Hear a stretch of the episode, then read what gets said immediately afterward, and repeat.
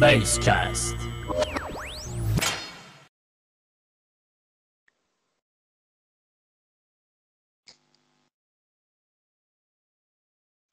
Herkese iyi akşamlar. Ee, uzun bir aradan sonra Futbol Kafası Podcast ekibi olarak tekrar bir aradayız. Ee, bugün e, Kerem Sofuoğlu ve Hüseyin Gökçe ile birlikte Beşiktaş ve Fenerbahçe'nin geçtiğimiz hafta e, oynadığı müsabakaları değerlendireceğiz. Ayrıyeten hem sağ içi hem sağ dışı gelişmeler hakkında da e, bazı münazala, e, münazalalarda buluş, bulunacağız. E, olayları tartışacağız. E, öncelikle ben hem Hüseyin'e hem de Kerem'e hoş geldin diyorum. Nasılsınız, iyi misiniz? Merhaba, hoş bulduk. Bulduk. İyiyiz, seni sormalı. Sen nasılsın? İyiyiz. Uzun bir aradan Teşekkür... sonra tekrar buluştuk. Evet. Konuşmayı özledik. Evet. Evet. Teşekkür ederim. İnşallah dinleyiciler de bizi özlemiştir diyelim. Ee, lider Beşiktaş. Bugün Beşiktaş'la başlayalım isterseniz. Ee, Beşiktaş Erzurum deplasmanındaydı ve 4-2'lik bir galibiyet aldı. Bol gollü bir maç oynandı Erzurum'da. Ee, Hüseyin kısaca senin maçla ilgili düşüncelerinle başlayalım. Sonra benim sana sormak istediğim sorular var tabii ki. Tabii ki.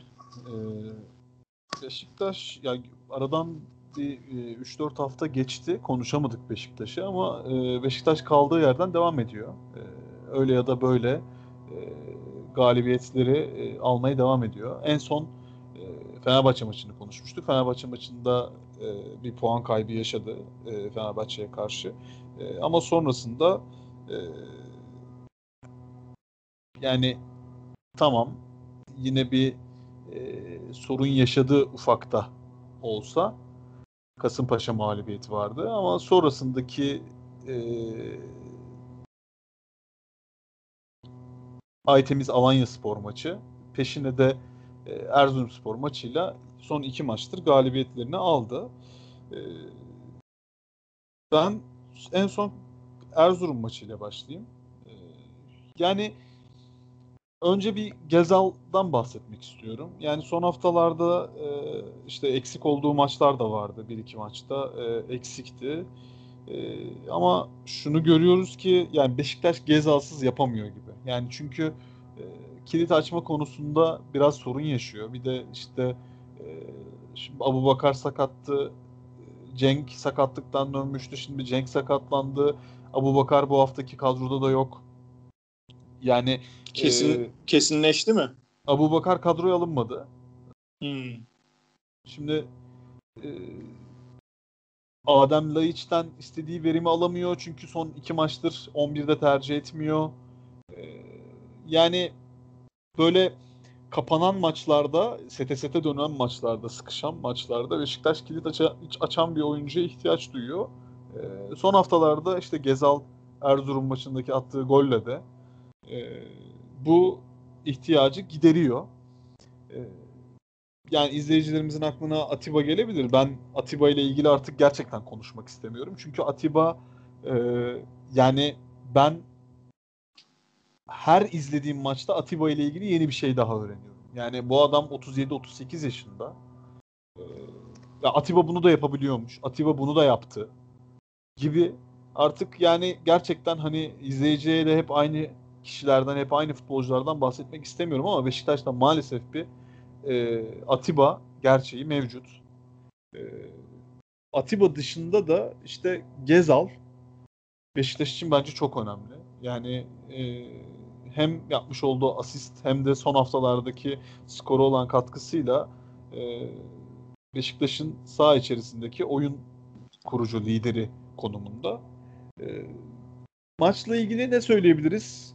Yani maçla ilgili şimdi evet Beşiktaş'ın galibiyeti var. Hatta 3. golde bazı tartışmalar da mevcut. İşte o el, elle alınan pozisyon, Cenk'in eline çarpan pozisyon devamında işte VAR'ın devreye girmemesi vesaire. Ama ben her şeyden öte gerçekten bunu ben Cenk sakatlandığı için Beşiktaş Erzurum'da e, kötü bir zeminde oynadığı için veya birazcık daha ayrıntıya gireyim. Oğuzhan'ın maç sonu yapmış olduğu açıklama için değil.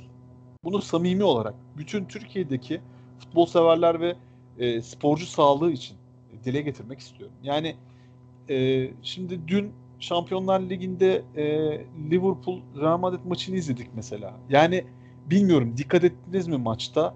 Yani zemin e, tabiri caizse çarşaf gibiydi. Yani artık biz mesela oyuncuları değerlendirirken ve yapmış oldukları pas tercihlerini değil de pas şiddetlerine kadar e, yorum yapabilecek seviyeye geliyoruz maçı izlediğimizde. Yani ben mesela e, bilmiyorum maçı izlediyseniz eğer siz de hatırlarsınız ya da e, dinleyen maçı izleyenler arasında bizi dinleyen bir seyir, seyircimiz dinleyicimiz varsa hatırlayacaktır. E, ikinci yarıda Thiago Alcantara oyuna girdiğinde bir mesela bir defansın arkasına bir top attı mesela. Orada topun e, şiddeti pasın şiddetinin ne kadar aslında e, önemli olduğunu, futbolun içinde ne kadar önemli bir e, şey, bir terim olduğunu e, o o maçta sanki bize anlatır şekildeydi. Yani e, ben bu konunun çok önemli olduğunu düşünüyorum. Yani tam o noktada tam o noktada bir şey söyleyeceğim. Federasyon başkanının ben bugün bir açıklamasını okudum. E, futbol zeminlerine artık çok dikkat edeceklerini tabii iş işten çok fazla geçti. Özellikle ligin marka değeri açısından. Zemine dikkat edeceklerini ve gerekirse zemin kötüyse farklı bir şehirde maçın oynanması kararı vereceklerini açıkladılar. O zemin konusu açılmışken de başkanın söylediklerini eklemek istedim. Ya bence çok önemli.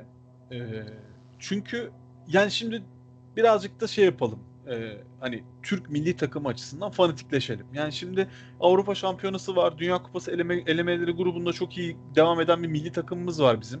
E şimdi bizim en formda forvet oyuncumuz Burak Yılmaz değil mi? 35 yaşında. Hı hı. E tamam Burak'ı takip edecek. Burak'ın arkasında bizim ikinci sıradaki e, ikinci sıradaki bir numaralı forvet adayımız Cenk, Cenk. Tosun'du. E şimdi biz Cenk'ten mahrum kaldık millet olarak. Ülke olarak mahrum kaldık. Yani sakatlandı. Tamam belki bunu bu sakatlığı sadece zemine e, saha şartlarına bağlamak doğru değil. Ama sonuçta ben bu tarz konuların da sadece sporcu sağlığı değil de senin de dile getirdiğin gibi pazarlama ve e, ligin kalitesi, ligin değeri açısından da çok önemli olduğunu düşünüyorum. Yani e, ben açık konuşayım. Bir spor sever olarak tamam izliyoruz Beşiktaş maçlarını, işte dört büyüklerin e, maçlarını izlediğimizde keyif alıyoruz. Evet ama yani şimdi bir e, spor spor sever, bir futbol sever açıp Erzurumspor Beşiktaş maçını izlediğinde yani gerçekten ne merak ediyor, ne hissediyor ben çok merak ediyorum. Yani zemin çok kötüydü. E, Oğuzhan'ın yapmış olduğu açıklama var. İşte biz e, talep ettik birçok şeyi. Ya sorduğu sorular gerçekten çok doğru ve çok e, manidar sorular. Diyor ki neden yani ısıtma var mı? Varsa neden çalışmıyor? Yoksa neden yok? Yani bu sorular bence çok önemli sorular. E, ve artık yani 2021 yılındayız ve biz artık hala zeminlerden konuşuyoruz. Futbolu futbolda bak yani az önce de söylediğim gibi bakın biz e, Şampiyonlar Ligi'nde izlediğimizde oyuncuların pas şiddet yani pas tercihlerini geçtim. Pas şiddetlerinden topun git hani sektikten sonraki hareketinden bahsederken Türkiye Ligi'nde yani bunlara bunlara giremiyoruz bile. E, o zaman bizim ülkemizdeki futbol neden gelişmiyor? Neden işte Şampiyonlar Ligi'nde başarı elde edemiyoruz, Avrupa'da başarı elde edemiyoruz? Yani bunlar bana çok normal geliyor. Ee, Einstein'ın bir lafı vardır. Aynı şeyleri deneyerek farklı sonuç elde etmeyi beklemek aptallıktır diye. Yani ya, Alp hep aynı şeyleri deneyerek farklı bir sonuç elde etmeye çalışıyoruz. Ya şöyle bence biz bir şeyleri de denemiyoruz. Yani Türk futbolunu yöneten futbol adamlarının veya kulübü yönetenlerin hani e, Türk futbolunun marka değeri veya sahada oynanan oyun gibi bir dertleri olduğunu düşünmüyorum. Eğer öyle bir dertleri olsa ben bu sorun çözülmeyecek bir sorun değil. İleri teknolojinin olduğu bir çağda yaşıyoruz. Örnek vermek gerekirse işte birkaç hafta önce milli takım maçları vardı. İstanbul'da İstanbul Olimpiyat Stadı'nın zeminini gördük yani böyle bir zemin e, çalışmayla birlikte elde edilebiliyormuş demek ki. Tamam belki sık sık maç oynanmıyor vesaire ama e, maç oynansa bile o zemin sanki bozulmayacakmış havasını, atmosferini biz aldık orada yani. Hani amaç zemini iyileştirmek olsa ben Türkiye'de bunun önünde herhangi bir engel olduğunu düşünmüyorum ama böyle bir amaç gütmüyoruz. Bu zeminle ilgili Oğuzhan'ın açıklamaları sadece onun değil daha öncesinde işte Belhanda'nın kadro dışı kalma sürecinde evet, onun yaptığı evet. açıklamaları var. E, Trabzonspor bundan 5-6 hafta önce Malatya'ya gidecekti. Malatya maçının başka bir e, şeyde şehirde oynanmasına talep etti. Çünkü inanılmaz kötü bir zemin vardı. Yani hani işin marka değeri vesaireyi geçtik. Bir de insanın e, sağlığı, insan hayatı var burada. İşte ya bir oyuncu her türlü sakatlığı o zeminlerde yaşayabilir. Çapraz bağlarını koparabilir. İşte ayağa bir kayma müdahalesinde takılıp bacağını kırabilir. Her türlü olumsuzluk yaşanabilir. Ama Türkiye'de maalesef bu tarz konulara hiç mi hiç dikkat edilmiyor. İşte öyle bir çaba, işte öyle bir amaç gütmüyoruz ama işte en son federasyon başkanının bir açıklaması var. En azından yetkili bir merci bir açıklamada bulundu ve e, gelecek adına biraz umut oldu diyelim. Ne diyelim yani? Yani 34. haftadayız. 34. Evet, lig, hafta evet. bitti. Evet. 35. hafta maçları oynanacak. Yani son bir şey daha söyleyeyim. Senin söylediğin her şey doğru Hı-hı. zaten. Beni destekleyici şekilde konuştun. Ee, yani Real Madrid Liverpool maçını e, bundan bir, bir, bir, bir önceki haftanın e, maçıydı. Real Madrid mesela Santiago Bernabéu stadında oynamadı. Evet. Genelde evet. o bu sezon oynamıyor galiba. Evet. Büyük çoğunluğu COVID, şeyde COVID, oynadı. Covid protokolünden Hı-hı. dolayı ve çok şiddetli bir yağmur vardı. Sahada hiçbir bozulma, bir e, su kümeleşmesi gördük mü? Hayır. Yani antrenman tesislerinde adamlar Şampiyonlar Ligi maçına çıkıyorlar ama yani bizim e, normal statlarımızdan bile bayağı e, Süper Lig'de oynanan statlarımızdan bile daha iyi zemine sahipler. Yani ya bunları kes- biraz düşünmemiz gerektiğini düşünüyorum ben. Kesinlikle öyle. Bir de şöyle bir şey söyleyeyim. Mesela ben Premier Lig'le ilgili şöyle bir şey duymuştum. Orada mesela burada kar yağınca maçlar iptal ediliyor falan işte hava şartları olumsuz. Orada öyle bir durum yokmuş. Orada zemin kötüyse maçlar oynanmıyormuş.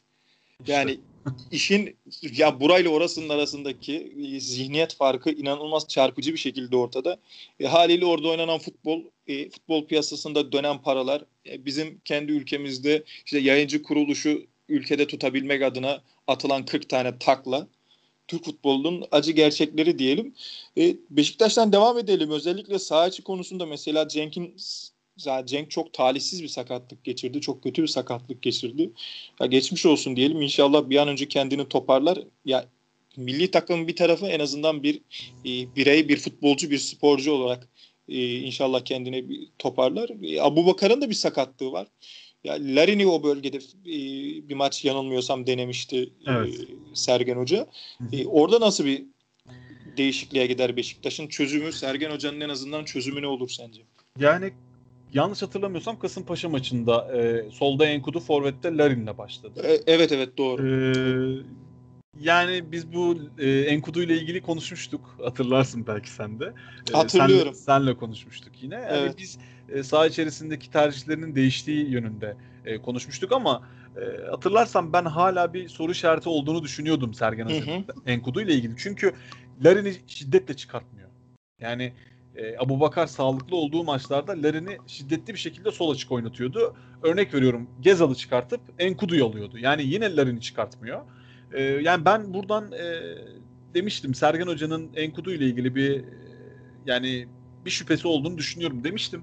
Bu Kasımpaşa maçında da yani aslında çok da yanılmadığımızı, Sergen Hoca'nın gerçekten şüpheleri olduğunu e, bize kanıtladı Enkudu sağ olsun.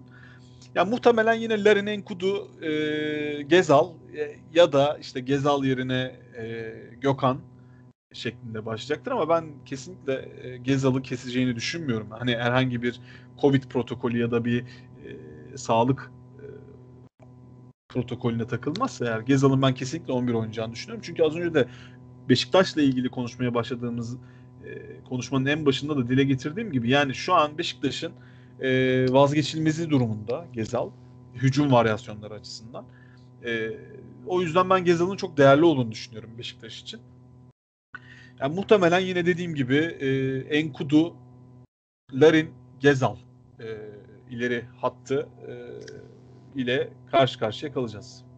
Ya şöyle bir şey söyleyeyim yani sen e, Sergen Hoca'nın Larin üzerindeki o işte sol kanatta sürekli ondan vazgeçmemesine değindin. Ya bu Beşiktaş'ın belki de en temel hücum prensiplerinden belki Gezal'ın işte asistleri üzerinden yürüyen bir oyun gibi görünüyor ama işte o Larin'in tamamlayıcı forvet olarak o arka direk koşuları orada yaptığı tabela bence Beşiktaş'ın en önemli hücum aksiyonlarından biri ve Sergen Hoca böyle inanılmaz derecede zor durumda kalmadığı sürece orada bir değişikliğe gitme taraftarı değil gibi. Evet, evet. E, Gezal'dan da konu açılmışken Kerem'i de muhabbete dahil edelim. Ya bir Fenerbahçe taraftarı olarak ki Galatasaray'ın içinde bulunduğu durum bugün e, Yağız maalesef hasta olduğu için ona da geçmiş olsun diyelim. Galatasaray'ı konuşamayacağız olsun. ama e, Fenerbahçe ile Beşiktaş artık şampiyonluk yarışında böyle baş başa kalmış gibi görünüyor. E, sen ne diyorsun e, Kerem? Özellikle Gezal'ın bu performansı açısından. Ya e, şöyle söyleyeyim. Böyle bir e, şampiyonluk yolunda işte takımlar artık inanan takımlar içinde en azından e, şampiyonluk yolunda olan takımlarda böyle her sene yani her şampiyonluk senesinde böyle bir iki tane ismin e, öne çıktığını görürüz. Takımı işte e, puan alan denir hatta. Yani Gezal Beşiktaş'ın sezon sonunda şampiyon olursa işte iki tane, üç tane isminden biri olacak. Orası kesin. Şampiyonluğu getiren isimlerden biri olarak. Tabii ki bir takım oyunu, tabii ki hoca. Bunların hepsine itirazım yok ama eğer şampiyonluk gelirse hani Gezal şampiyonluğun mimarlarından denecek. Çünkü gerçekten ilginç bir şekilde performans sergiliyor. Ya özellikle skor, asist bunları geçtim. Saha içinde e, top tutma, işte e, rakibi rahatsız etme, e, yani e, rakibi tehdit etme unsurlarının hepsi barındırıyor. E, yani aslında takımın hani böyle en süratli, en hızlı oyuncusu değil ama değil. ama yeri geldiği zaman driplingleri, top sürmeleri vesaire onlar da çok tehditkar olabiliyor. Yani e, kendi yeteneklerinin farkında olup bunları çok doğru kullanan bir futbolcu. O yüzden e, fazlasını da aramıyor. Aradığında doğru e, kendi adına hamleyi yapabiliyor. Bu skor ve asist olarak Beşiktaş'a çok ciddi katkı sağlıyor. E, ben gerçekten Gezal'ın Beşiktaş'ın bu sezon en önemli oyuncularından birini olduğunu, biri olduğunu düşünüyorum. Hatta belki de e, şu an en faydalısı diyebiliriz. Ya Türkiye'ye son dönemde tabii yani birçok bir yıldız geldi aslında ama e, mesela Galatasaray'ın işte Snyder transferleri yani çok uzun bir süreç değil. İşte Drogba transferleri, Snyder transferleri falan vardı.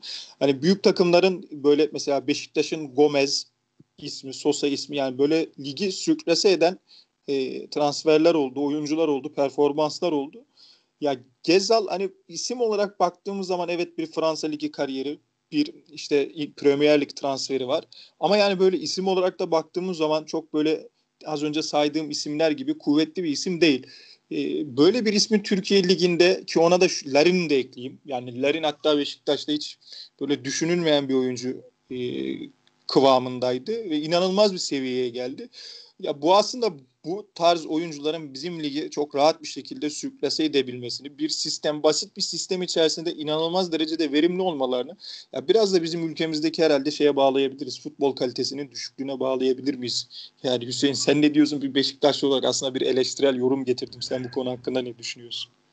Yani şöyle ki e, belirli kısımlarına katılıyorum sorduğun, söylediğin ve söylediğin şeyin. E, yani mesela ben buna en güzel örnek senin verdiğin örneklere en güzel örnek benim aklıma direkt Marcelo geliyor. Beşiktaş'ın Lyon'a transfer ettiği stoper.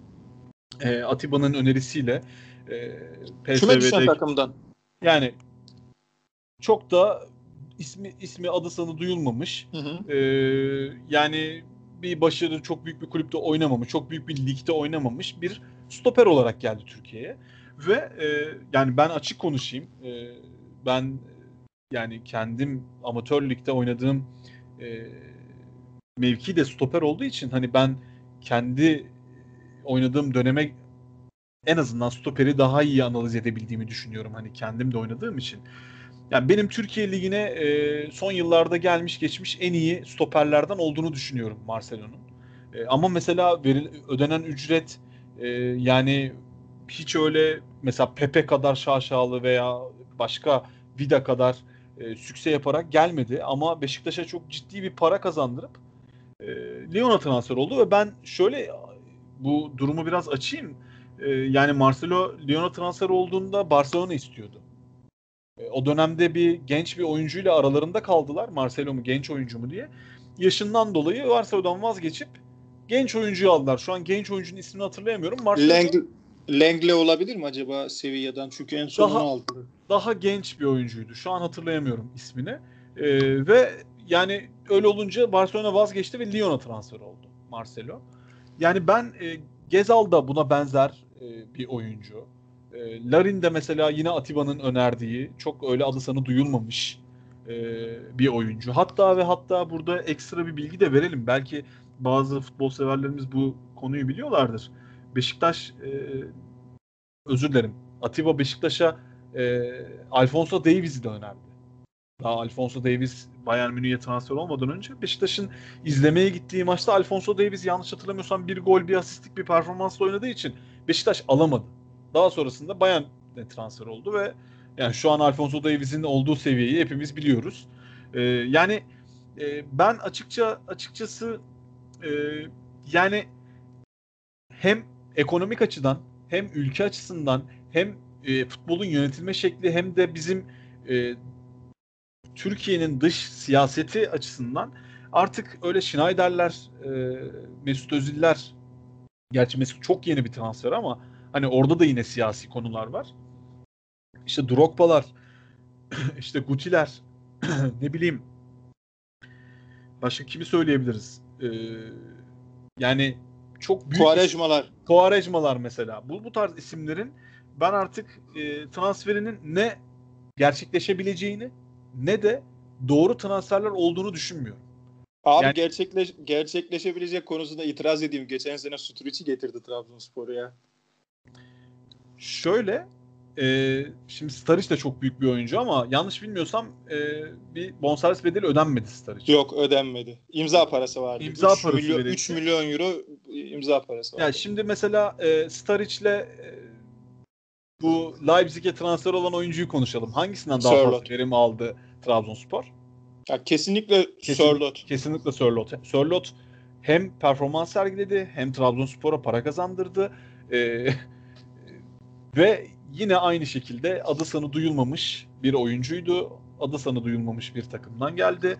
Performansını sergiledi ve şu an yani e, Almanya'daki en büyük takımlardan birinde oynuyor. Yani ben aslında isme değil de hani hem potansiyele hem yeteneğe hem de mevcut forma e, transfer edilmesinin daha artık Türkiye için değişilmez olduğunu düşünüyorum. Ya Ha, bu kesinlikle bizim- öyle. Ha bu bizim lafını kesiyorum kusura Hı bakma. hı. Bizim- Estağfurullah. Bu bizim lig kalitemizin kötülüğünden mi?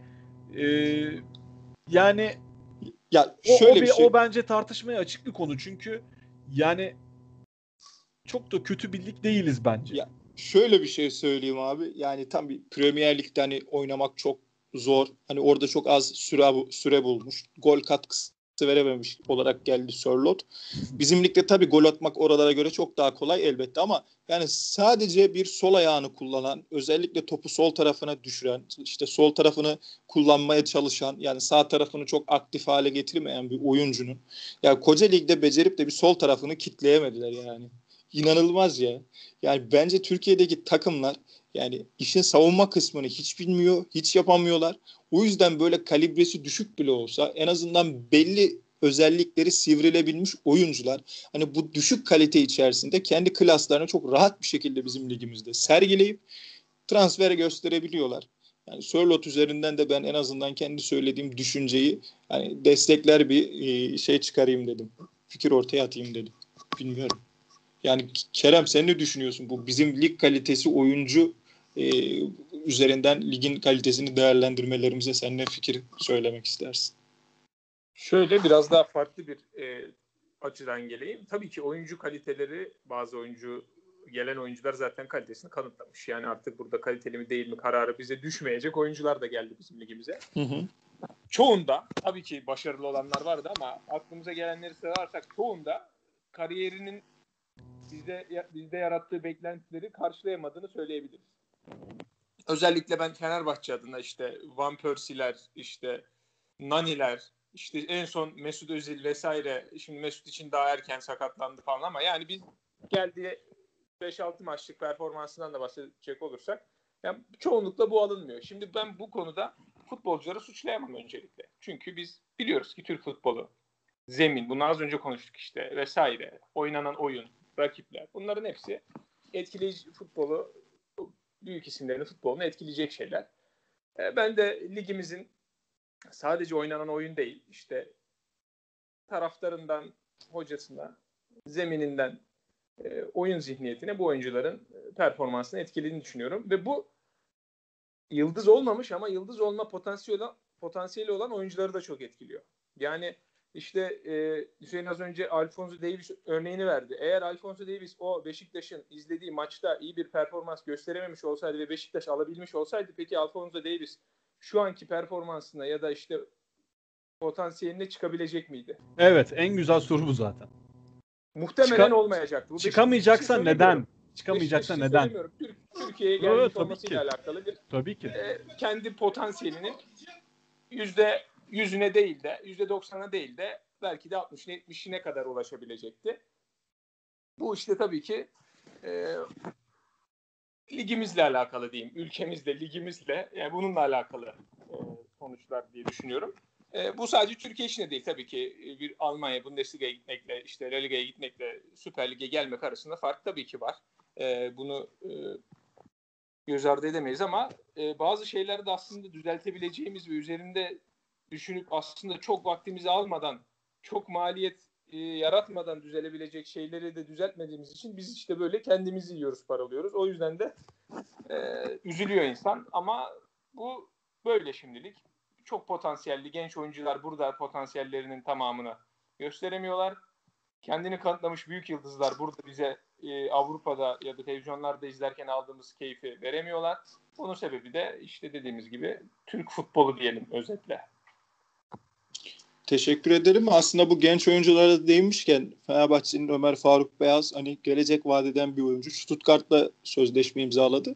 Fenerbahçe e, bölümünde onu da konuşalım. Ben e, Beşiktaş'ta devam edelim. Bu genç oyunculardan da konu açılmışken e, sormak istediğim bir iki soru var ama ondan öncelikle Beşiktaş'ta Sergen Yalçın'ın performansını konuşalım. Opta'nın verilerine göre Beşiktaş'ın başında bir teknik direktör olarak en yüksek galibiyet e, yüzdesine sahip olan isim Sergen Yalçın.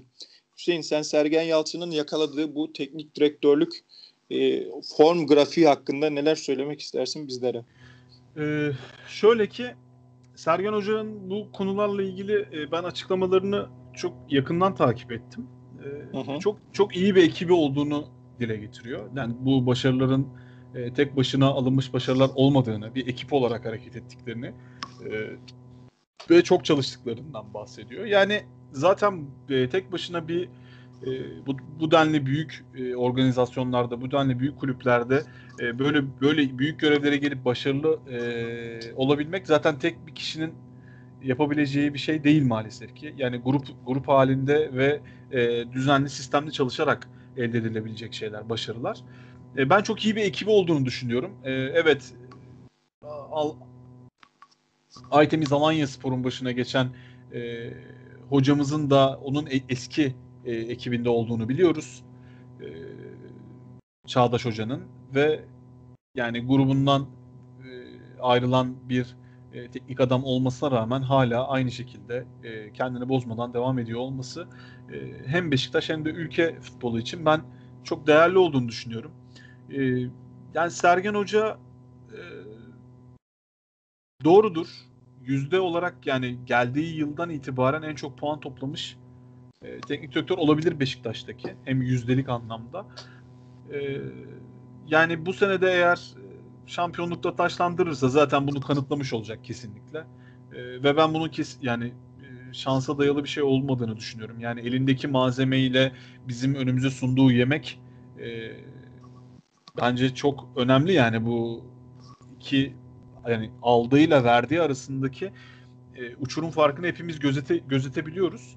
E, ben o yüzden çok başarılı buluyorum Sergen Hoca'yı. Ha ama e, ya bence şu da önemli. Şimdi ben e, bir konuya değinmek istiyorum. Yani bence bunlar önemli şeyler. Normalde bu konulara girmememiz gerektiğini düşünüyorum ama bence e, sosyal medya artık bizim hayatımızın bir parçası ve bu buradaki gördüğümüz yanlışları da dile getirmemiz gerektiğine inanıyorum. O yüzden kısa bir konuya değinmek istiyorum. Şimdi ben Fenerbahçe maçını izlediğimde Fenerbahçe maçındaki Sergen Hoca'nın bazı kararlarını, bazı değişikliklerini, bazı kadro tercihlerini yanlış buldum. Yani bu benim kendi şahsi düşüncem. Ee, ben bu konuyla ilgili de şimdi şöyle ifade edeyim. İnsanların bence kendi durumlarını, kendi e, düşüncelerini ifade ederken karşısındaki insanın bilgi, birikim seviyesine de dikkat etmesi gerektiğini düşünüyorum. Şimdi ben evet bir futbol severim, bir spor severim. E, kendi çapımda amatör olarak da hem oyunculuk hem antrenörlük yaptım. E, ama şimdi ben antrenör değilim Beşiktaş'ta. Yani bir antrenmanı izlemiyorum. Bir antrenmandaki futbolcuların performanslarını e, görmüyorum. Bunları gören kişi Sergen Hoca. Şimdi biz bunları bilerek e, ve bun, bunun bilincinde eleştirilerde, bunun bilincinde yorumlarda bulunmamız gerektiğini düşünüyorum. Şimdi ben e, kendi çapımda şöyle bir düşüncem olmuştu Fenerbahçe maçından sonra. E, kaybedilen puanın ben Sergen Hoca'nın değişikliklerine bağlamıştım kendi kendime. Ama bu bütün bir sezona yayılan e, futbolu göz önünde bulundurduğumuz zaman az önce de söylediğim gibi Beşiktaş Futbol Kulübü'nün, Beşiktaş Jimnastik Kulübü'nün Sergen Hoca'ya vermiş olduğu kadro ile, vermiş olduğu malzeme ile Sergen Hoca'nın bizim önümüze sunduğu yemek arasında uçurum var. Yani ben açık konuşayım. Yani ben bunu dürüst bir Beşiktaş taraftarı olarak söylüyorum. Beşiktaş bu sezonu şampiyon olarak tamamlamasa bile bence Sergen Hoca çok başarılıdır. Yani ben yine Sergen Hoca'yı başarılı ve Beşiktaş'ın başında kalması gereken bir teknik adam olarak değerlendiriyorum. Ama şu şekilde şu tarzı yorumlar gördüm Twitter'da. İşte e, bu takım nereden nereye geldi? İşte yok Sergen Hoca'ya yazarmış.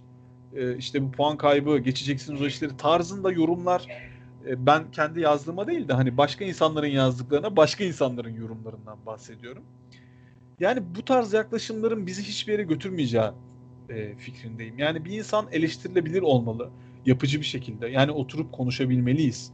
Neden e, fikir ayrılıklarımız olduğu konusunda. Ben e, yapmış olduğu tercihler e, bazen yapmış olduğu e, oyuncu değişiklikleri, kadro seçimleri, oynattığı futbol konusunda bazen e, aynı fikirde olamıyorum Sergen Hoca'yla. Bence bu da aslında çeşitliliktir futboldaki ve bu çeşitlilik zaten bizi e, başarıya götürür diye düşünüyorum. E, ama insanlarda hani böyle biz bizim milletimizde var bu biraz böyle bir biat kültürü var bizde. Hani bir adam e, eğer başarılı olmuşsa o asla eleştirilemez. Yani ben bu düşünce tarzını maalesef benimseyemiyorum ve çok da doğru bulmuyorum. Söylemek isteyeceklerim bu kadar. Teşekkür ederim ben birkaç bir şey eklemek istiyorum. Ya kesinlikle sana katılıyorum. Hani taraftar sonuçta bir e, taraftar olarak herkes e, sahada olup biteni anlamlandırmaya çalışıyor. Yani anlamlandırmaktan kastım skorun veya sonucun değiştirilmesi adına teknik kulübe birer değişiklik yapıyor. Bazen taraftarın değiş beklediği değişiklikle orada olan gerçekleşen değişiklik birbirini tutmuyor ve anlamlandırmaya çalışıyor. E, o değişiklik eğer sonuç getirmiyorsa ya veya getirmemişse taraftar haliyle kızıyor ve bunu ağır bir şekilde e, ifade ediyor. Tam bu noktada işte görev aslında bence basın mensuplarına düşüyor. Orada taraftarın nabzını en azından sosyal medya üzerinden tutmak artık günümüzde çok kolay. En azından taraftarın nabzını ve düşüncelerini teknik direktöre aktararak özellikle basın toplantılarında orada teknik direktörün taraftarıyla, kendi taraftarıyla en azından. Hani o maç maç özelinde hani o değişikliklerin neden yapıldığını, neden o şekilde düşündüğünü, işte taraftarın e, düşündüğü şeyi neden gerçekleştirmediğini, o değişikliği neye yapmadığını en azından taraftara ya, futbol çerçevesinde, futbolun gerçekleri çerçevesinde e, aktarılması gerektiğini ve futbolun bence önemli bir e, paydaşı olan medyanın e, bu konuda daha hassas ve daha doğru hareket etmesi gerektiğini düşünüyorum. E, biz bunları Yağız'la tartışmıştık siz olmadığınız bir programda ve e, özellikle antrenör e, medya ilişkilerinin taraftarın da işin içine katıldığında bence günümüzde çok değerli ve önemli olduğunu düşünüyorum. E, Sergen Hoca'ya yapılan o yaklaşım, olumsuz yaklaşım da bence son derece tehlikeli. Çünkü Trabzonspor'a geçen sene takip ettiyseniz e, ortada hiçbir şey yokken bir anda kendi teknik direktörünü gönderdi ve e, şu düşüncede bunu gerçekleştirdi. Bizim Ünal Hoca'nın yaptıklarına veya yapacaklarına ihtiyacımız yok. Bu kadro çok güçlü, çok kaliteli. Hocasız bile şampiyon olur dediler. E, gördük sezon sonu ne olduğunu. E, Türkiye'deki yabancı teknik direktörlerin çalışamadığı bir ülke olduğunu ve Türkiye'de yeterli bir e, yerli teknik direktör havuzunun olmadığını da düşünürsek Beşiktaş için şampiyonluk kazanılsın veya kaybedilsin e, Sergen Hoca ile devam edilmenin Beşiktaş'ın geleceği açısından bu sadece bir şampiyonluklar veya işte kupalar kazanmak açısından değil de ekonomik olarak da sürdürülebilirlik açısından çok değerli ve önemli olduğunu düşünüyorum. Çünkü malzeme kısıtlı, para yok ve buradan bir yemek çıkarması bekleniyor. Sergen Hoca en azından bir buçuk sezondur bu sezonda tamamladığını varsayarsak e, kısıtlı imkanlarla, kıt kaynaklarla bunu çok iyi bir şekilde başarmış olduğunu görüyoruz. Kesinlikle. E, ki Ser, Ser, Sergen Hoca'nın da bence e, Beşiktaş'tan sonraki bir durağı olacaksa bunun Avrupa ve Avrupa'da iyi bir kulüp veyahut Şenol Hoca sonrası e, milli takım olması gerektiğini düşünüyorum yerinin. E, ben teşekkür ediyorum Beşiktaş değerlendirmelerin için. E, lider 70 puanda maç eksiği var ve en yakın takipçisi Fenerbahçe 66 puanı var. E, kıyasaya süren bir şampiyonluk yarışı var. Fenerbahçe'de bir teknik direktör değişikliği yaşandı. Aslında e, buna benzer bir durum daha önceki yıllarda e, sezon sonu gerçekleşmişti. Christoph Daum görevinden e, ayrılmıştı sezon sonu ve Aykut Kocaman sportif direktör Kocaman e, teknik direktör olarak göreve başlamıştı. Fenerbahçe'de sezon bitmeden e, hocayla yollar ayrıldı. E, ve yerine sportif direktör olan Emre Belezoğlu e, teknik adam olarak göreve başladı. E, aslında Fenerbahçe'de e, sonuç olarak da bir toparlanma en azından iç sahada iki maç iki galibiyet görüyoruz. E, 3 birlik bir Galatasarayır maçı var. E, ki maç aslında gitgelli bir maç oldu. 2-2'ye gelebilecekken bile, son dakikalarda e, 3-1 bitti. E, tartışmalı pozisyonların olduğu bir maçtı. E, Kerem sen öncelikle biraz istersen bize Fenerbahçe'nin Galatasarayır galibiyetinden e, bahset. E, ve daha sonrasında benim sormak istediğim sorular var sana. Şöyle başlayalım. Ee, biz e, Derel Bulut'tan sonra Emre, Emre Belezoğlu'nun başa gelmesin, gelmesiyle beraber e, Fenerbahçe'yi konuşamadık. Hı hı. E, Fenerbahçe'de Emre'nin gelmesiyle beraber e, çok köklü bir kadro işte taktik, dizilim vesaire değişimi olmadı ama Emre Belezoğlu kendi e, kafasında belli birkaç e, kriteri koymuş belli ki. En azından e, o her oyuncu bazında tek tek e, yapması gerektiği, e, yapılması gereken e, oyun içindeki hamlelerde her oyuncuyu tek tek uyarmış ve oyuna değişikliği bu şekilde e, yansıtmaya çalışmış. E, çok köklü bir kadro değişikliği, bir iki e, değişiklik dışında ya da işte e, sistemde komple bir değişiklik, dizilimde bir değişiklik görmedik. E, Emre'nin oyunculara tek tek verdiği oyun içinde yapılması gerekenler e, direktifleri sağlandıkça Fenerbahçe'nin bir tık daha iyi olduğunu görebiliyoruz. Orada bir müdahale edeyim sana. E, sağ içi değişiklikte en çok göze çarpan Gustavo'nun kesilip e, Sosa'nın evet. görev verilmesi. Bu maçta bunu da yaptı. Biz e, zaten e, bu basına yansımıştı. Sosyal medyada görmüştük. Emre işte bir önceki puan kaybını e, orta sahadaki e, dinamik olmayan e, pas akışının e, Emre'nin istediği gibi olmadığını, işte dinamik olmayan bir oyuna evrildiğini e, söylediğini duymuştuk. Bunun da e, faturasını Gustavo ve Ozan'a keseceği söylenmişti. E, Ozan oynadı ama yine de e, Gustavo'yu kenarda bekletti. E, özellikle bu maçta biz gördük ki e, aslında bunu hep konuşuyorduk. Fenerbahçe'nin çok kalabalık ve aslında kimi oynatacağını oynatacağını bilemediği bir orta saha e, rotasyonu var. Bir bolluğu var. Özellikle devre arasında İrfan Can'ın da katılmasıyla. E, sakat olmasına rağmen Mesut'u da düşünürsek orta sahada büyük bir kalabalık var. E, ancak bu orta sahadaki kalabalığın yanında kanatlardan istediği verimi alamayan bir Fenerbahçe var. Kanat hücumlarından, e, hızlı futbolculardan istediği hücumu, e, hücum desteğini alamadığı bir Fenerbahçe var ve Emre Emre Belezoğlu bunu şu şekilde değerlendirmeye karar vermiş. Kalabalık orta saham var ve bunların performansları kanat oyuncularından daha iyi. Ben daha dinamik bir pas akışıyla e, daha kalabalık bir orta saha hatta orta sahadan evrilme kanat oyuncularıyla sonuca gideyim ve bunu hatta hatta ve hatta santraforu bile santrafor gibi değil de orta saha yakın kullanarak e, deneyeyim gibi bir e, maç olmuş açıkçası. E, Fenerbahçe santroforsuz oynadı neredeyse. E, buna rağmen belki de en çok e, gol pozisyonuna girdiği maçlardan biriydi ama yine yeniden son vuruşlarda acayip kalitesiz ve yani belki de Fenerbahçe'nin 5 yapacağı maçtı. Atamadığı için belki neredeyse yenileceği maça döndü. Ee, bunları da başarsa aslında çok şey değişmiş diyebilirdik. Ama zaten bunları e, başaramadığı için bu şu an bu durumda belki de Fenerbahçe. Belki de performanslarını santroforların bu yüzden eleştiriyoruz. İşte e, en verimsiz, en e, katkısız santrofor ekibi Fenerbahçe'de zirveye oynayan takımlarda. Yani e, tam sayıları bilmiyorum ama Beşiktaş ve Galatasaray'ın santrofor grubunun yani golcü grubunun gollerini ve asistlerini toplarsak eminim ki Fenerbahçe'den çok daha fazladır. Çünkü Fenerbahçe'nin en verim alamadığı bunca transfere rağmen e, bölgesi ileri hattı. İşte Samatta, Tiam, işte Sisse, Valencia bunların e, son haftalarda Valencia'nın performansı yine daha iyi ama gol katkısı konusunda sıkıntısı var. Yine bu maçta da çok gol kaçtı. Ee, bunun yanında Emre Belözoğlu'nun istediklerini yavaş yavaş da olsa aslında takıma e, işlediğini görebiliyoruz. E, ben şunu da söylemek istiyorum. Şimdi Emre Belözoğlu tabii ki bir sportif direktör olarak sezona başladı. E, ve ya o noktada ben e, senin en çok zaten Emre'nin teknik direktörlük belki 3 maç 4 maç yani kısa bir süre oldu. E, Emre'nin bir teknik direktör olarak yani sen kulübedeki Emre Belezoğlu'nun sergilediği performans açısından da ne düşünüyorsun? Çünkü e, önümüzdeki sezonda muhtemelen Emre ile Fenerbahçe sonuç ne olursa olsun devam edecekmiş gibi bir görüntü var.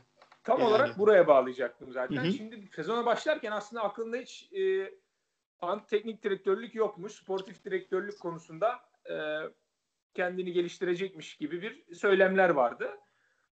Nitekim te, başa geçtiği andan itibaren aslında hayalinin de bu olduğunu öğrenmiş olduk. Bu konuda kendini geliştirmek istediğini öğrenmiş olduk. Tabii ki bir yani Fenerbahçe'den ya da Emre veya Erol Bulut isminden bağımsız e, sportif direktörün ben her zaman söylüyorum zaten yani teknik direktörün arkasında bir e, öcü gibi durması o giderse hı hı. kesinlikle o gelir e, izleniminin yaratılması bunların o bunlar olmadan da e, takıma, camiaya ve işte bu oluşuma zarar verebilecek şeylerdi. Bunu belki medya konuşuyordu, belki sadece gazeteciler, taraftar konuşuyordu ama bunun gerçekleşmesi aslında doğru şeylerin konuşulduğu anlamına geliyor. Sonuç olarak belki de Erol Bulut'un ensesinde bunu hissettiği için de performans düşüktü. Bunu bilemeyeceğiz şimdi hiçbir zaman. Ya şöyle bak tam o noktada bir şey söylemek istiyorum. Erol Hoca'nın basınaya yansıyan açıklamalarıydı galiba. Ya başka bir kaynaktan da açıklanmış olabilir. Tam hatırlamıyorum bunu. Ya oyuncu tra- yani transferlerde sadece iki isme net bir şekilde evet bunları alalım dediğini. Ya onun dışındaki transferlerin çok onun böyle e, isteği ve arzusu içerisinde gerçekleşmemiş gibi bir açıklama vardı. Bilmiyorum evet, sen bu açıklama... zaten tamamen Emre, Volkan e, ve Ali Koç Erol Bulut'un işte yetkilerini kısıtlamış ve aslında onların istediği oluyormuş gibi bir hava vardı. Ya tam o noktada işte sanki yani onu yapan en azından transferi yapan transferi yaptıktan sonra da saha içerisindeki o oyuncu tercihlerine veya taktik anlayışına kadar hani hocanın her işine karışabilecekleri bir atmosfer varmış sanki Fenerbahçe'de. E, düşüncesi benim aklıma ister istemez o sözleri okuduktan sonra geldi. Sen ne evet, düşünüyorsun? Böyleydi. Yani bunu artık konuşmanın e, bir anlamı kalmadı. Oldu ve artık bu şekilde devam edecek belli ki. Emre'nin ilk antrenörlük, te- teknik direktörlük deneyimi aslında e, karakter olarak, bir e, tarz olarak futbolculuğu da, antrenörlüğü de aslında başarılı olabilecek böyle futbola aç, hırslı bir karakteri var. Ama bunu tabii ki 3 maçta kaldı ki Fenerbahçe'deki 3 maçı değil, bütün teknik direktörlük kariyerinin ilk 3 maçında değerlendirmek doğru olmaz. Çok erken yani ciddi derecede erken. Tabii ki buna Fenerbahçe'de başlayabilecek olması onun kariyerinin getirdiği avantajlardan biri. Fenerbahçe ile olan bağlarının getirdiği avantajlardan biri. Ee, umarım e, başladığı gibi takıma etki ettiğini gördük. Umarım Fenerbahçe olan etkisi aynı oranda artarak devam eder. Tabii ki bu yani başına Emre gelmiş, Ahmet gelmiş, Mehmet gelmiş önemli değil. Bir takımda teknik direktör değiştiği zaman ister istemez bir hava değişir. İlk birkaç hafta bunu da izliyor olabiliriz. Ama Emre'nin yaptığı ufak dokunuşların e, pozitif etki ettiğini e, görebiliyoruz şimdilik. Yani bu teknik direktörlük başarısından mı yoksa işte zaten kafasında olan şeyleri takıma işleyebildiği için mi e, oyuncu bazında sadece ya da teknik genel olarak oyuncu değişiklikleri ve işte sahaya çıkılan e, strateji konusunda da ne kadar etkili bilmiyorum. Bizim gördüğümüz sahaya yansıyan, yansıyan, skora yansıyan bir pozitif etki var şimdilik. Şunu da Ya. dinliyorum. Di- Yok ben seni dinliyorum. E, şunu da söylemek istiyorum. E, özellikle yani Emre'nin transferi olduğu söylenen bazı isimlerin de performansının arttığını görebiliyoruz. İşte bu çok konuşuldu transfer sezonunda işte Alo ben Emre abin vesaire konularında özellikle Mert Hakan ve gibi isimler e, e, bunun gibi birkaç ismin daha zaten Erol Bulut'un transferlere çok etki etmediğini Emre'nin e, yoğunlukta bu işte uğraştığını biliyoruz. İşte Mert Hakan'ın artan bir performansı var. Özellikle buna da değinebiliriz. Bu belki de Emre'nin e, Fenerbahçe'yi sezon başında kafasında oynatmak istediği takıma uyan bir isimdi. Belki de Emre'nin transferleri, e, Emre'nin bu işe e, takıma uydurmak istediği oyun belki de bu şekilde yerini bulacak ve aslında e, kadro mühendisliği yavaş yavaş işte tabii ki artık çok geç olabilir. Son 34. kaçıncı haftaya geldik ya? 37 mi oldu? Ya ligin şeysi karıştı yani bir sürü yani o bir Haftayı sürü takım geldi. artık. Evet haftayı da Yani sayamıyoruz. 35. belki haftaya girdik şu Bu an. işler için geç ama belki önümüzdeki sezon için elindeki kadroyu e, koru, koruma koruyabilme sonrasında Emre'nin istediği oyun oynanabilecek şekilde e, tekrardan bu kadro e, motive edilebilir. E, Ya belki Gök- bunun olabileceği e, izlenimini aldım ben. Bizim Ya- Erol Bulut Erol Bulut yönetiminde ya bu transfer neden yapıldı veya bu böyle değildi niye böyle oynuyor dediğimiz isimlerin tekrardan e, performansına kavuşabileceği belki de e, bir fırsat olur. Bu sezon geç olabilir artık. Yani Beşiktaş'ın eksik maçı var ama eksik maç lider takımın bu iyi oyunuyla beraber aslında 3 puana daha yakın olduğunu da düşünebiliriz. Tabii ki oynanmamış maç 3 puan denmez hiçbir zaman. Ama gerçekçi de olmak lazım. Ee, daha oturaklı ve daha güven veren bir futbolla Beşiktaş'ın daha yakın olduğunu söyleyebiliriz ama Fenerbahçe bir şekilde kopmamayı başardı e, şampiyonluk yarışından. E, az maç da yok. Yani matematiksel olarak ciddidir. Hala imkan var. Yani hatta son 2-3 haftaya girene kadar da e, bir aksilik e, olmazsa bitmeyecek gibi gözüküyor şampiyonluk. Matematiksel olarak en azından şampiyonluk yarışı. Şöyle Evet. bir şey şöyle bir şey söyleyeyim o noktada. Yani Beşiktaş kazanıyor, kazanıyor, sürekli kazanıyor. Ya ama Fenerbahçe bu kadar çalkantılı bir sezon geçirirken ki sezonun bir noktasında da teknik direktör değişikliği yaşamışken hala şampiyonluk yarışının içerisinde olması da ilginç bir durum değil mi sizce? Evet. Doğru, ilginç. Bunun e, başında yani Erol Bulut ne kadar yani kötü futbol oynattığını vesaireyi e, konuşarak gitmiş olsa da puan olarak zirvede yani en tepede olmasa da zirvedeki takımlar arasındaydı gittiğinde ve sezon başında sezon başladığında Fenerbahçe ilk 8-10 hafta şampiyonluğun kesin favorisi olarak bakılıyordu. Kadro öyle gösteriyordu en azından. Evet ve oynanan oyun beğenilmese de skoru bir şekilde alabilen bir takım vardı. Bu bireysel yetenekler işte biraz şans belki de bilmiyorum nasıl buraya kadar artık zirvede geldi. Bazı dönemlerinde doğru futbol oynadığı, bazı dönemlerinde bireysel olarak golleri bulduğu maçlar buraya kadar getirdi ve bunun tabii ki her takımın çok puan kaybetmesi de bunda e, etkisi oldu. Beşiktaş da lige kötü başlamış takımlardan biri. Biz de Beşiktaş'ın kadroyla ve ilk birkaç maçıyla beraber sanki aslında şampiyonluk yarışına hiç dahil olamayacağını düşünmüş ilk, bir- ilk birkaç hafta. Ama ondan sonra aldı sazı eline açıkçası tabiri caizse. Belki de e, Emre'nin gelişiyle bu e, kan değişikliği, motivasyon değişikliği, belki de performansını gösteremiyor bazı futbolcuların tekrardan e, motive oluşu zirveye tekrardan tutunmasına yarayabilir. Yani Fenerbahçe'nin santraforlarından öncelikle bir e, hareketlenmesi lazım. Çünkü çok gol kaçıyor. Yani bu maç 10 kaçtı, 3'ünü attın ama önümüzdeki maç belki bir tane, iki tane pozisyon yakalayacaksın ve onları atman gerekecek. Ee, bu kadar çok gol kaçıran takım e, zorlanır. İlla zorlanacaktır. Ee, Fenerbahçe'nin yediği golde de Altay'ın bir hatası var zaten. Aslında e, ufak bir kaleci hatası diyelim. Yani aslında Antep'in tabii ki başka pozisyonları da vardı. Onların kaçırdıkları da vardı ama e, totalde Fenerbahçe'nin daha çok pozisyon bulduğunu söylemek e, yanlış olmaz. Ama e, atamadığı pozisyonlarda başına bela olabilir. Hakem çok konuşuldu bu son maçta. E, birkaç pozisyonda özellikle. E, onun dışında çok Fenerbahçe'nin süper oynadığı, rahat bir skor rahat gibi gösterdi, rahat bir galibiyet aldığı maç değildi kesinlikle. Ben bunu söyleyebilirim. Hani Fenerbahçe çok umut veriyor, çok iyi top oynuyor, yetişecek Beşiktaş'a falan bu e, izlenimi yaratmak yanlış olur. Evet skor alıyor, e, gol de buluyor ama e, güven veren ve harika futbol oynuyor diyebileceğimiz bir e, senaryo henüz hala e, önümüzde değil. Hatalı gol demişken Beşiktaş'ın Erzurum maçında da e, Beşiktaş kalecisi Ers, e, Ersin de e, kötü bir evet. gol yedi yani bayağı kötü bir gol yedi. İki takımın kalecisi de bu hafta birer tane e, evet, rakibe. Genç kaleciler yani böyle hatalar evet. tabii ki olabilir ama işte artık kritik e, böyle hataların e, şampiyonluğa etki edebileceği dönemde de geliyoruz. Dikkat edilmesi lazım. Neyse ki iki takım da e, kayıpsız şekilde hataları şey edebildi. Telafi etti de evet. Beşiktaş adına Beşiktaş adına da neyse ki diyor musun gerçekten? Ya tabii ki Beşiktaş kendi adına diyor. Ben genç kalecilerimizin en azından moral, motivasyon ve e, medyanın kucağına atılması, tarafların önüne atılması konusunda e, kendilerini kurtardıkları için takım olarak e, iyi olarak bakıyorum. Yani tabii ki Beşiktaş kazanamasaydı ama Ersin hata yapmasaydı da kazanamasaydı keşke. Ben Ersin'in de e, Türkiye için önemli bir e, değer olduğunu düşündüğüm için onun üzülmesini istemedim. O yüzden böyle söyledim.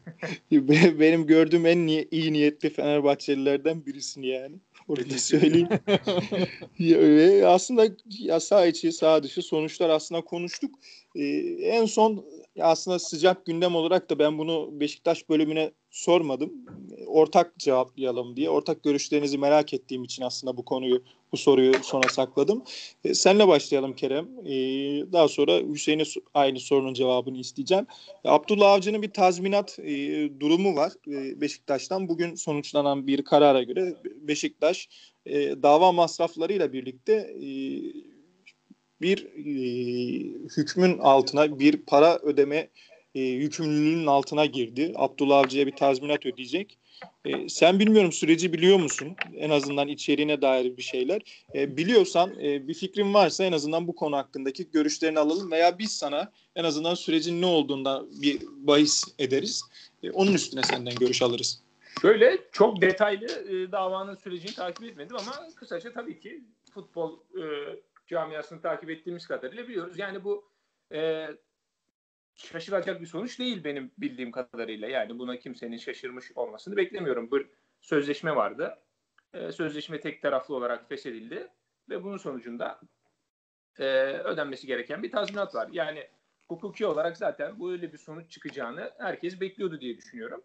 Ama tabii ki herhalde beklenen miktar veya Abdullah Hoca'nın e, haklarından feragat etmesi gibi bir e, yanılgıya mı düştü acaba taraftarlar en azından duygusal düştü. Yanılgı değil de en azından bir beklenti içerisindeydiler beklenti. diyebiliriz. Yani bu sadece Abdullah Hoca için de değil. Bu geçmişte işte Fatih Hoca, milli takım, Galatasaray, işte Şenol Hoca. Yani bu bütün e, hocalar ya da işte oyuncularla ilgili benzer şeyler çıkıyor. Ama kulüplerin e, sözleşme imzalarken düşünmediğini, tek taraflı feshederken düşünmediğini hoca kendi hakkını alırken niye düşünsün? Şimdi bu ben e, bunda yanlış bir şey görmüyorum. Bir sözleşme imzalanmış, bir e, hak edinilmiş ve tek taraflı olarak fethedilen bir sözleşme sonucunda e, hukuk buna karar vermiş ve alacak tabii ki. Yani ama tabii ki e, bazı sözleşmelerde oluyor. E, bunda yok muydu bilmiyorum. Eğer hoca e, bu süreçte başka bir takımda başlarsa e, almıyordu. İşte sadece e, antrenörlük yapmadığı süre boyunca ödeniyordu falan gibi şeyler vardı. Bilmiyorum sözleşmenin detaylarını. E, bunda yoktu demek ki Abdullah Hoca'nın sözleşmesinde veya iyi sözleşme yapmış diyebiliriz. Yani e, sonuç olarak hakkı olan, hukuki olarak hakkı olan, tabii bunu ahlaki olarak ya da işte başka sebeplerle hakkı olmadığını düşünen olabilir. Ama hukuki olarak hakkı olan e, ödemeyi alması yönünde bir karar çıktı. Benim burada eleştireceğim tek bir şey var. O da yapılan sözleşmeler. Yani Beşiktaş özelinde tabii ki Hüseyin daha net söyleyecektir ama yani başkanlığın son döneminde işte gitmesi kesin gözüyle bakılan bir başkanın son döneminde böyle büyük bir yükümlülük altında girilen sözleşme ve tek taraflı yapılan bir fesi. Yani bunlar soru işareti uyandırıyor mu? Uyandırıyor tabii ki. Hoş değil ama hukuki açıdan baktığınızda Abdullah Hoca'ya bu parayı istemesi konusunda tek bir benim e, soru işaretim yoktur açıkçası. Teşekkür ederim. Hüseyin sen bir Beşiktaş taraftarı olarak bugün sonuçlanan e, karar hakkında ne düşünüyorsun? Ben Beşiktaş taraftarının çok yoğun tepkisini gördüm e, sosyal medyada. Sen onlar gibi mi düşünüyorsun yoksa Kerem gibi hoca hakkını aldı e, yapacak bir şey yok suçlu Fikret Orman e, yönetimi midir diyorsun? Ya maalesef ki ben de Kerem gibi düşünüyorum. Çok üzgünüm böyle düşündüğüm için. Ee, yani çok üzgünüm dememin aslında ciddi olmadığını anlamışsınızdır diye tahmin ediyorum. Yani e, şöyle ki şimdi ben az önce e, bir tane tweet okudum. Hı hı.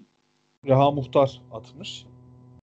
E, yani bu tarz hani topluma mal edebileceğimiz insanların yani ge- e, geçmişte Türkiye'deki e, belirli görevleri almış ve e, topluma rol model olabileceğini düşüneceğimiz kişilerin bu şekilde toplumda provokatif hareketler, provokatif e, eylemler içerisinde olmasını ben çok doğru bulmuyorum. Yani yapmış olduğu tweette e, yani dilerseniz okuyayım hatta.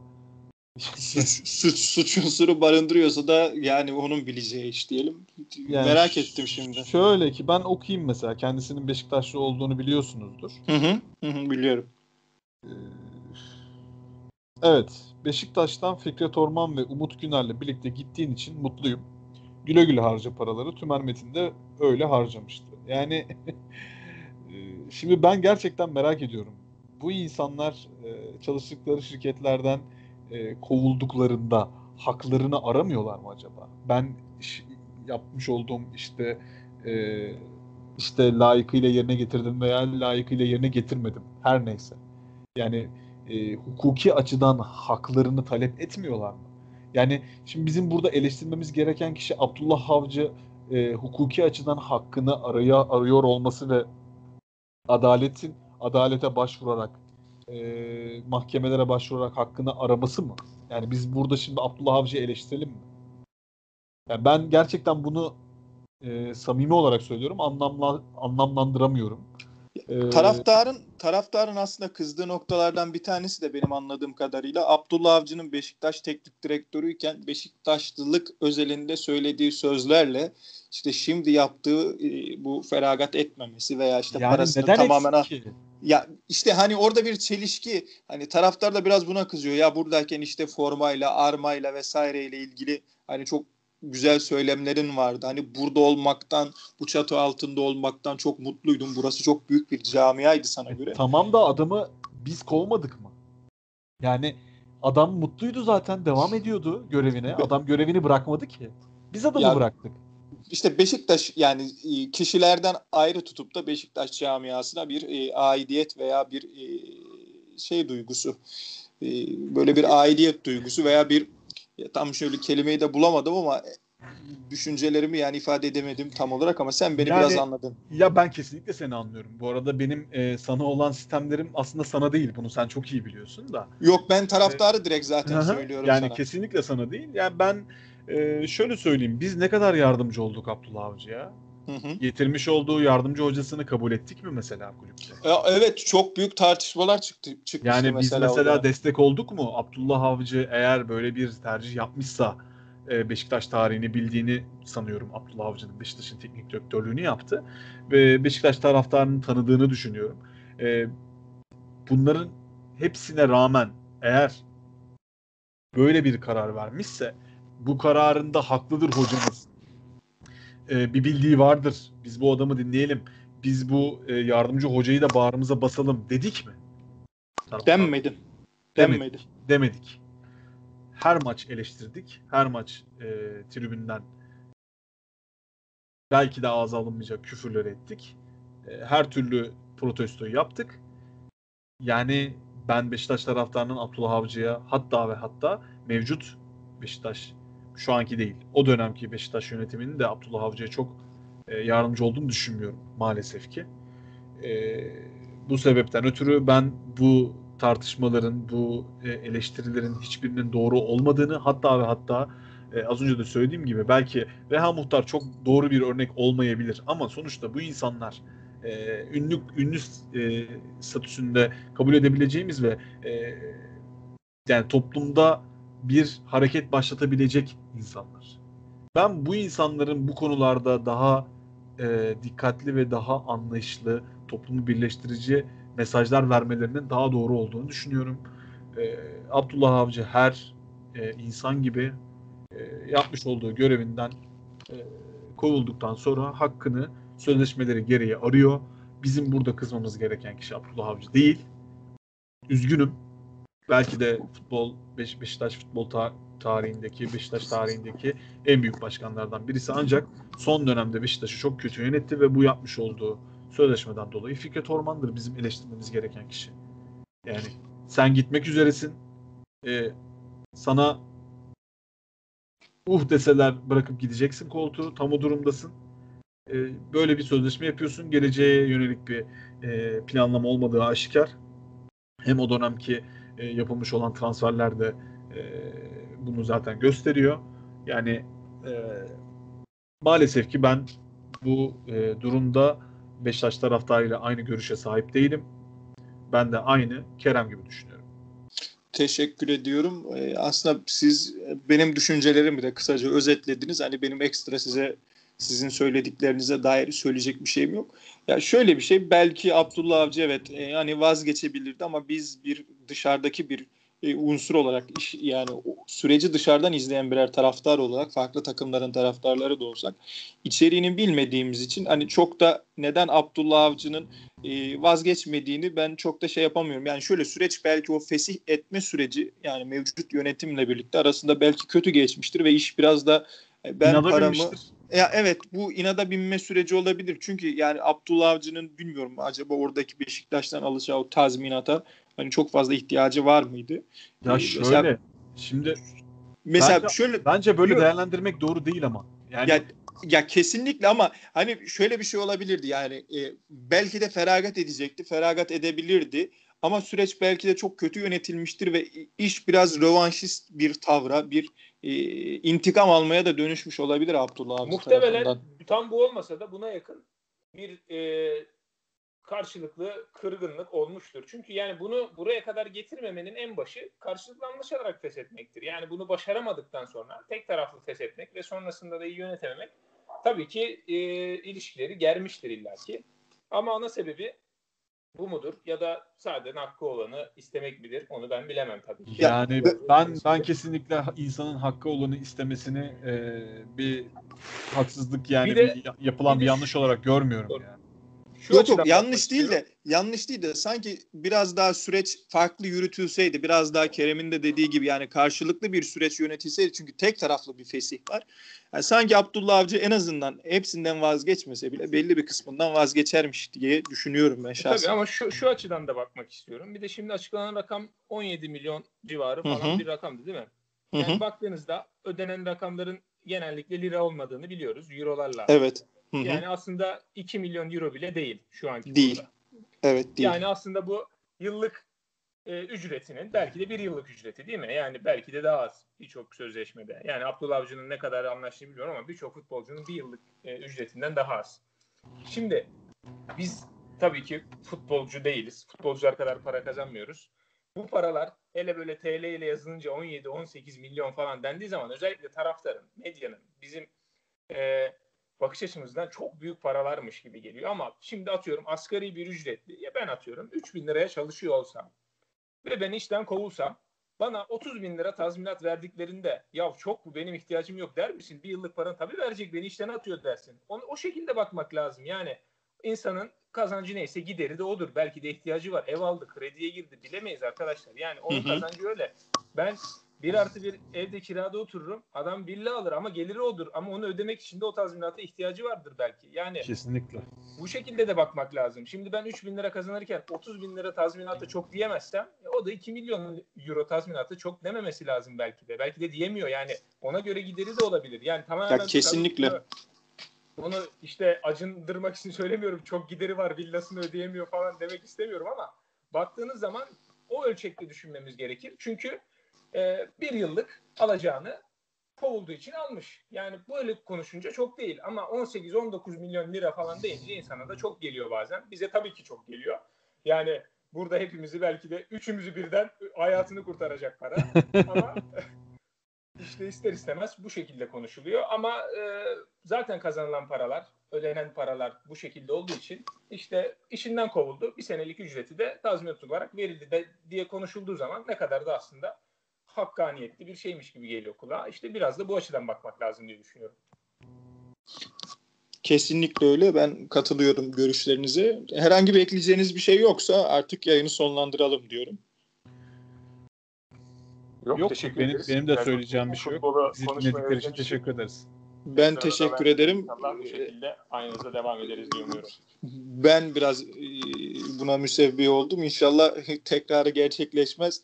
Düzenli bir şekilde önümüzdeki haftadan da devam ederek e, yayınlarımıza inşallah devam edeceğiz diyorum. İkinize de teşekkür eder. Ağzınıza sağlık diyerek yayını kapatıyorum. İyi akşamlar. İyi Biz teşekkür ederiz. İyi akşamlar.